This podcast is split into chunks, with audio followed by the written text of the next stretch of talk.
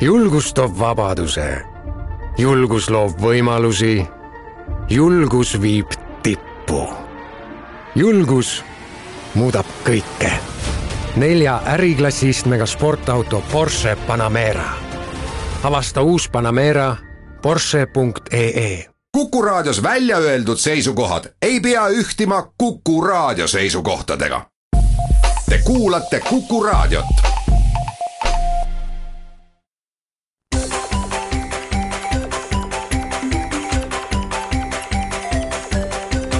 Maksumaksja koostöös Eesti Maksumaksjate Liiduga. tere päevast, eetris on saade Maksumaksja, mikrofoni ees on Lasse Lehis. tuludeklaratsioonid on suuremalt jaolt inimestele esitatud, tulumaksu tagastuski ehk juba paljudel käes ja ära kulutatud, siiski traditsiooniliselt äh, igal kevadel on mul kombeks tuludeklaratsioonidest äh, rääkida mõnel teemal natukene pikemalt, sellepärast et on ikkagi teatud valdkonnad, mille puhul see tulude deklareerimine nii lihtne ei ole ja tihti need valdkonnad on ka sellised, et inimesed ei puutu nendega väga tihti kokku või, või, või vähemalt mitte igal aastal. Ja seetõttu kas on need asjaolud muutunud aja jooksul või on informatsiooni ebapiisavalt, on äh, esimene probleem tihti juba see, et et kui inimene ei oska kahtlustada, et siin on probleeme, siis ta ei oska küsida ükskõik kas või Maksu- ja Tolliametist või, või mõne konsultandi käest ja kui ei küsita, siis loomulikult ei, ei oska ka äh, selles olukorras käituda. täna räägiks äh, siis mõningatest kitsaskohtadest meie tulumaksuseaduses, äh, koondnimetus olekski võib-olla see, et majandus areneb, tekivad uued uued ettevõtlusvormid, uued tulu teenimise viisid või, või muutuvad nad populaarsemaks, aga aga tulumaksuseadus on teatud äh, osas väga jäik ja väga pikka aega, ligi kakskümmend aastat enam-vähem ühesugune olnud, mis äh, teatud juhtudel pärsib sellist äh, normaalset majandustegevust ja, ja teatud juhtudel sunnib inimesi nihverdama, valima siis mingid teistsugused vormid, et mitte maksta tulumaksu üleliia palju. mis need teemad on? no teatavasti meie maksusüsteemi puhul räägitakse alati tema lihtsusest, ühetaolisusest, läbipaistvusest ja nii edasi, mis on kõik õige, kuigi aasta-aastalt me näeme äh, selles suunas noh, pigem vastassuunalist liikumist, et tuleb igasuguseid erandeid äh, ja erisusi mühinal juurde, aga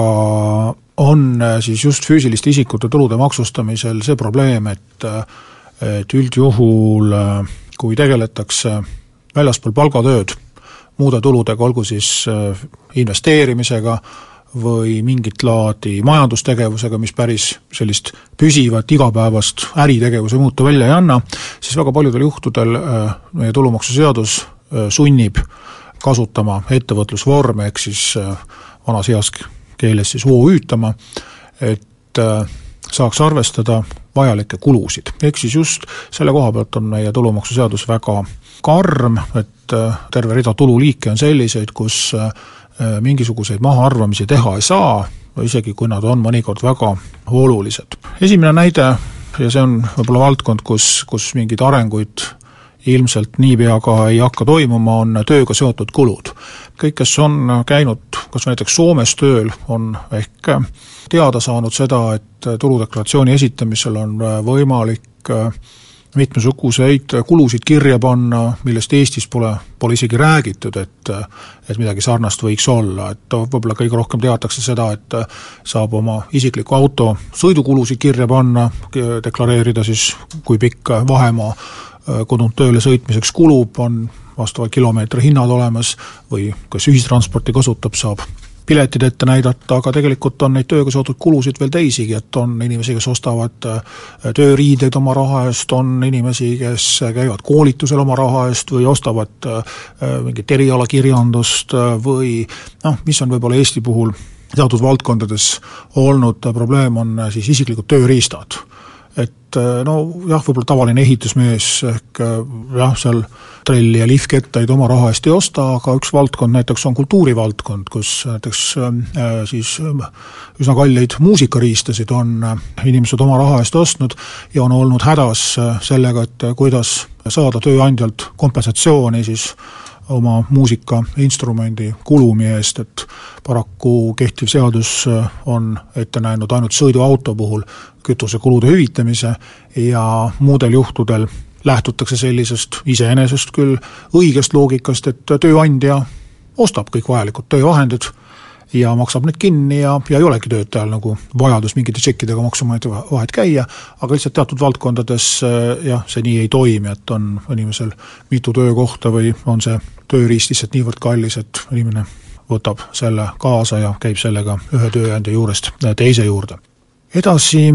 üks selle aasta märksõna on äh, eluruumide üürimine. siin on äh, vastupidiselt siis eelmisele punktile ka seadusemuudatus hiljuti tehtud ja praegu on meil siis just esimene aasta, äh, kus tulumaksusoodustus kehtib ja kindlasti ka Maksu- ja Tolliamet põnevusega ootab, millised need tulemused on, et kui palju on siis nüüd inimesi põranda alt välja tulnud ja hakanud ausalt deklareerima oma korterite või majade väljaüürimisest saadud tulu, aga ka siin probleem, äh, lisaks sellele, et väga raske on Maksuametil kontrollida korteri üürimise juhtumeid, oli probleem selles, et äh, tulumaksuseadus vaatas ainult sissetulekuid, aga seda, et äh, üürnikul on vaja remonti teha, et tal on mõnikord korter tühjalt seisnud, mille eest on vaja kulusid kanda või et on lausa laenu võetud korteri ostmiseks, siis seda kõike meie tulumaksuseadus ei ole arvestanud juhul, kui me räägime üüritulust tululiigina, kui seda ei tehta äh, füüsilisest isikust ettevõtjana või mõne osaühingu kaudu. Äh, nüüd siis on võimalik üüritulu vähendada kakskümmend protsenti, jällegi mõne jaoks on see piisav, mõne jaoks mitte, aga siis võib öelda, et äh, jällegi meie tulumaksuseadus on arvestanud sellise variandiga, et kui inimene korterit üürib, et siis on tal selline vana nõukogudeaegne paneelmaja korter EVPD eest erastatud, mingeid kulusid tehtud ei ole, kakskümmend aastat pole remonti tehtud ja kui üldse midagi, siis lastakse üürnikul kõik need asjad korras hoida ja sellisel juhul sobib meie äh, tulumaksusüsteem suurepäraselt, et inimene saab oma puhastulult kuusteist protsenti tulumaksu maksta ja võiks täitsa mõelda selle peale, et oma tulusid ausalt deklareerima hakata. jätkame pärast väikest pausi.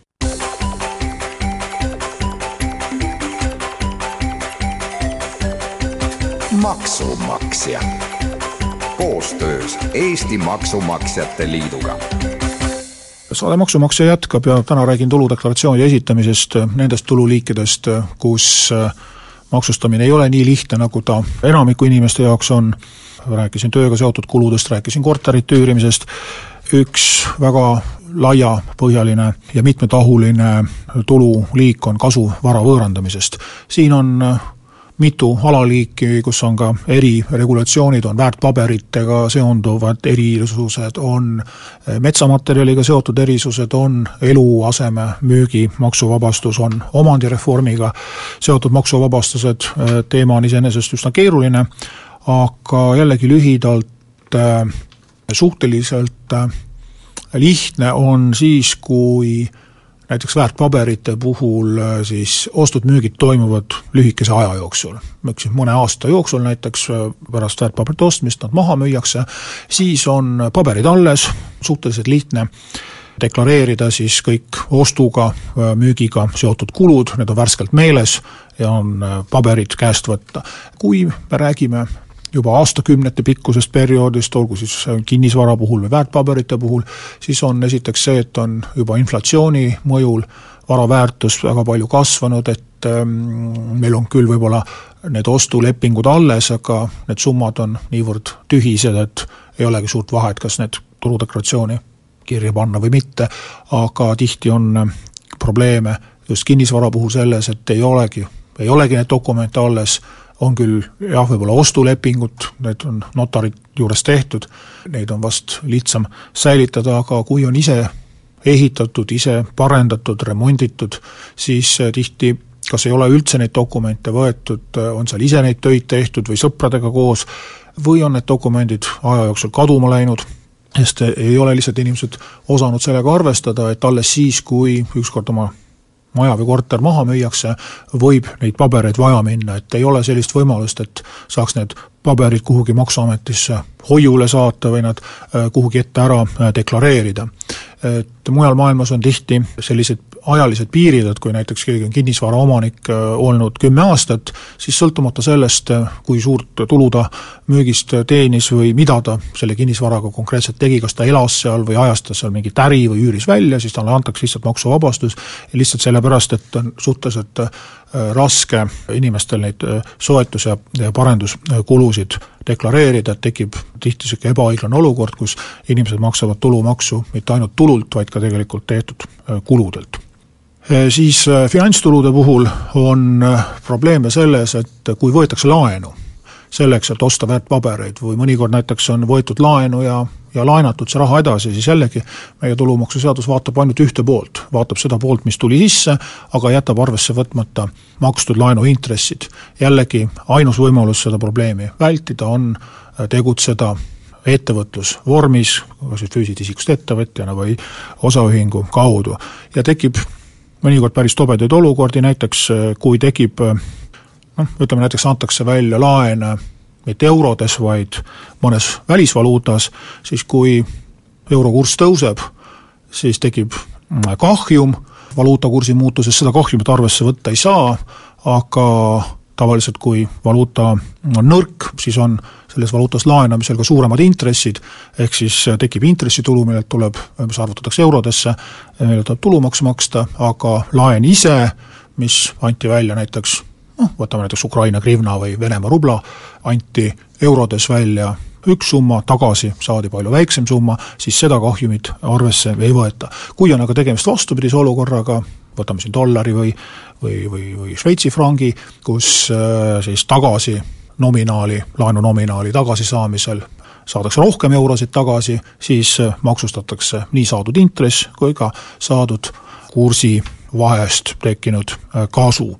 et et äh, selliste probleemide ärahoidmiseks jällegi muud võimalust praegu selles raamistikus ei ole, kui kõik oma, oma finantsasjad äriühingu kaudu teha. mõnikord ei ole sellel lihtsalt mõtet, sellepärast et kui inimene hoiustab oma isiklikku raha ja teeb võib-olla ainult ühe laenutehingu, siis ainult sellepärast hakata osaühingut asutama on natukene imelik aga lõpetuseks siis tänapäeva moodsa majanduse äh, uutest arengutest, näiteks siis jagamismajandus. Äh, kaks näidet, Uberi takso, omaette küsimus, kui seaduslik ta on ja kuidas,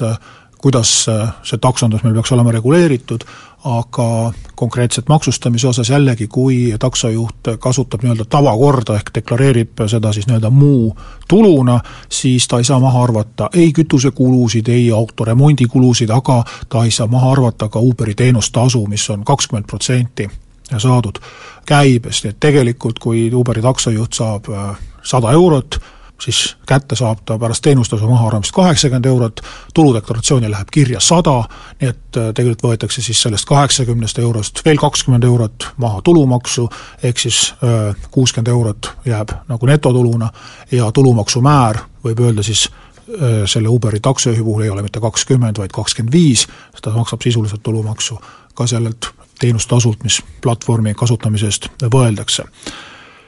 Ja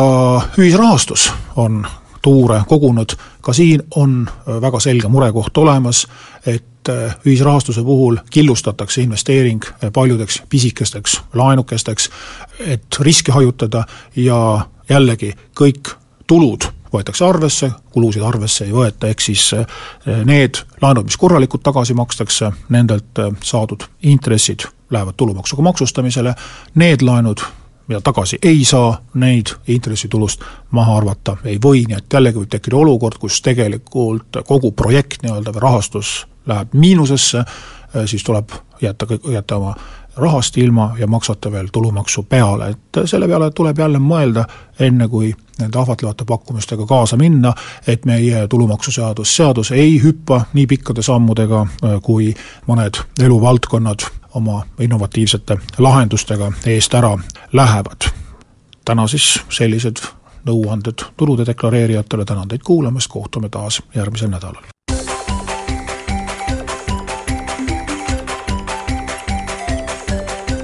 Maksumaksja koostöös Eesti Maksumaksjate Liiduga